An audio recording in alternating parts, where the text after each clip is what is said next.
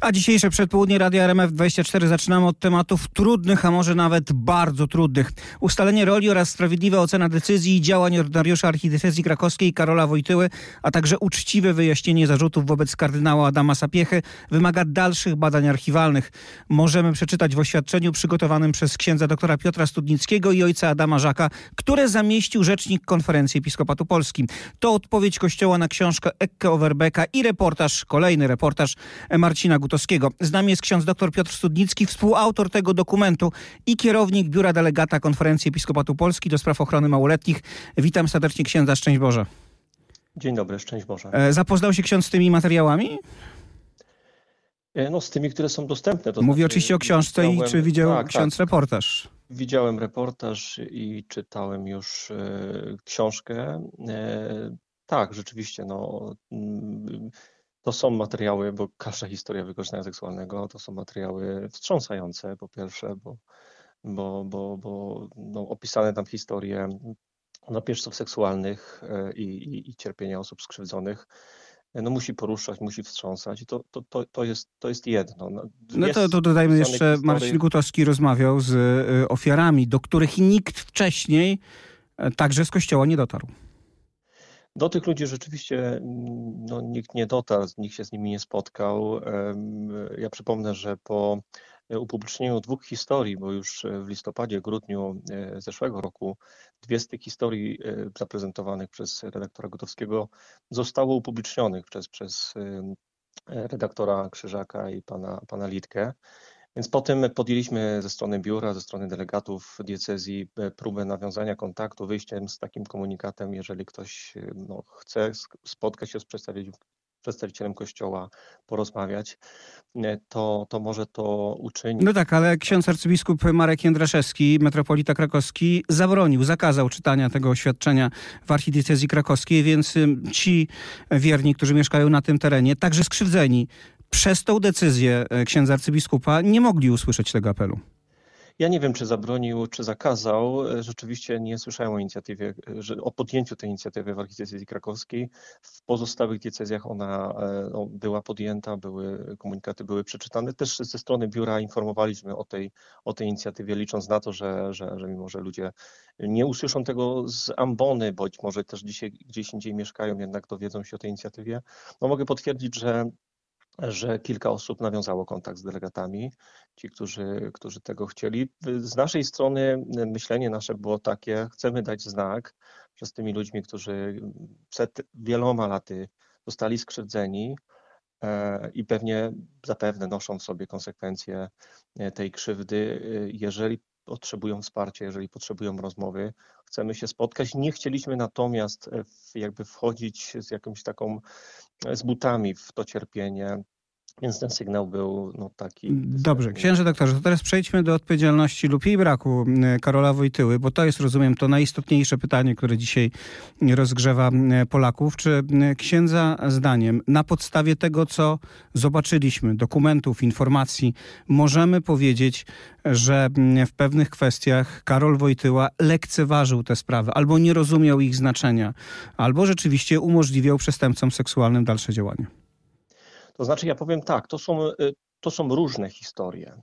Y, I trzeba to y, powiedzieć. Dwie z tych historii jest, jest, to są historie dość dobrze udokumentowane. Myślę o sprawie księdza Surgenta i księdza Lorenza, dlatego że w aktach, w archiwach IPN-u mamy nie tylko akta służb bezpieczeństwa PRL-u, ale są także dostępne akta postępowań karnych. I ci dwaj duchowni zostali skazani za wykorzystywanie seksualne osób. Tak, i jed, dla jednego z nich skazanie przez władze świeckie zostało uznane przez Karola Wojtyłę za powód, żeby go nie karać ponownie kanonicznie.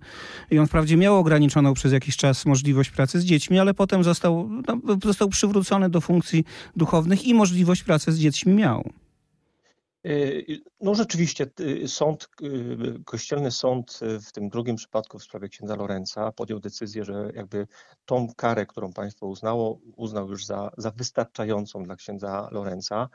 Kiedy patrzymy na te historie, one oczywiście jakby nie odpowiadają standardom, które my dzisiaj. Księże doktorze, to ja tutaj pozwolę sobie, to jest oczywiście proszę prawda, ale Pozwolić, proszę pozwolić, że, że Mhm. skończę.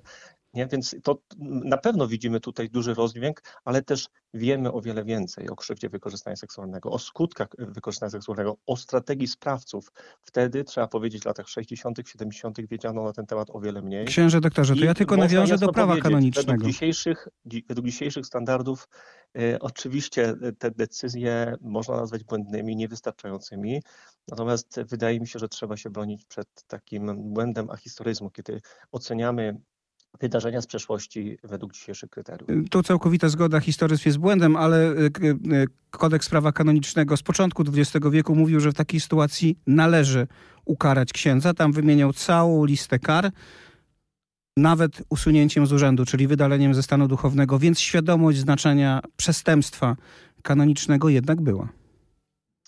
Tak, oczywiście ta, tamto prawo dawało możliwość e, karania, da- dawało możliwość reagowania, więc to, tutaj nie ma wątpliwości.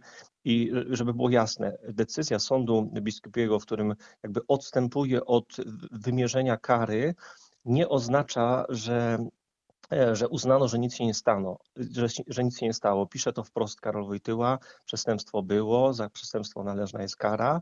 Decyzja jest taka, że tak, tą karę ksiądz poniósł właśnie odsiadując wyrok sądu. Mało tego, e, e, ten ksiądz był jeszcze przez jakiś czas e, odsunięty od wszelkiej, na początku od wszelkiej pracy, potem od, od pracy duszpasterskiej z dziećmi. Rzeczywiście potem stopniowo przywrócono go do posługi. No, nie, nie, nie mamy żadnych informacji o możliwych przestępstwach tego księdza później, więc też trudno do końca ocenić nawet znaczenie tej decyzji e, Karola Wojtyły. Ale rozumiem, że będziemy prowadzić badanie. Ostatnie pytanie do księdza. E, Piszecie z ojcem Adamem Żakiem, e, że potrzebne są dalsze e, badania archiwalne i tu pełna zgoda. Ta sprawa nie jest jeszcze rozwiązana. No ale pytanie, czy tą sprawę można rozwiązać bez, dostępu do archiwów kościelnych. Mówiąc inaczej, często słyszymy nawet od biskupów, że e, dziennikarze odwołują się do akt tubeckich, one są niewiarygodne. No, chętnie odwołalibyśmy się do innych akt, tylko że dostępu do akt kościelnych nie mamy. Wydaje mi się, e, że aby w pełni ustalić e, rolę kardynała Karola Wojtyły, sprawiedliwie ocenić e, podejmowane przez niego decyzje, potrzeba także przejrzeć i zbadać e, akta kościelne. Więc Musimy mieć dwie strony medalu, to jak to wyglądało z strony państwowej, dostępnych materiałów źródłowych, ale także potrzeba spojrzeć na, na akta kościelne. Dopiero wtedy, wydaje mi się, będziemy mieć pełny obraz e, który nam umożliwi uczciwą i, i sprawiedliwą ocenę. A z księdza zdaniem to jest możliwe, że Kościół otworzy akta? E, Mam taką nadzieję, że, że, że zdobędziemy się na, ze strony Kościoła na takie działania. Bardzo dziękuję. Naszym gościem był ksiądz dr Piotr Studnicki, dyrektor, e, kierownik Biura Delegata Konferencji Episkopatu Polski e, do spraw ochrony małoletnich. Autor bardzo istotnego dokumentu opublikowanego przez Konferencję Episkopatu Polski, w której mowa jest o tym, że tę sprawę trzeba badać. Bardzo dziękuję księdzu za rozmowę.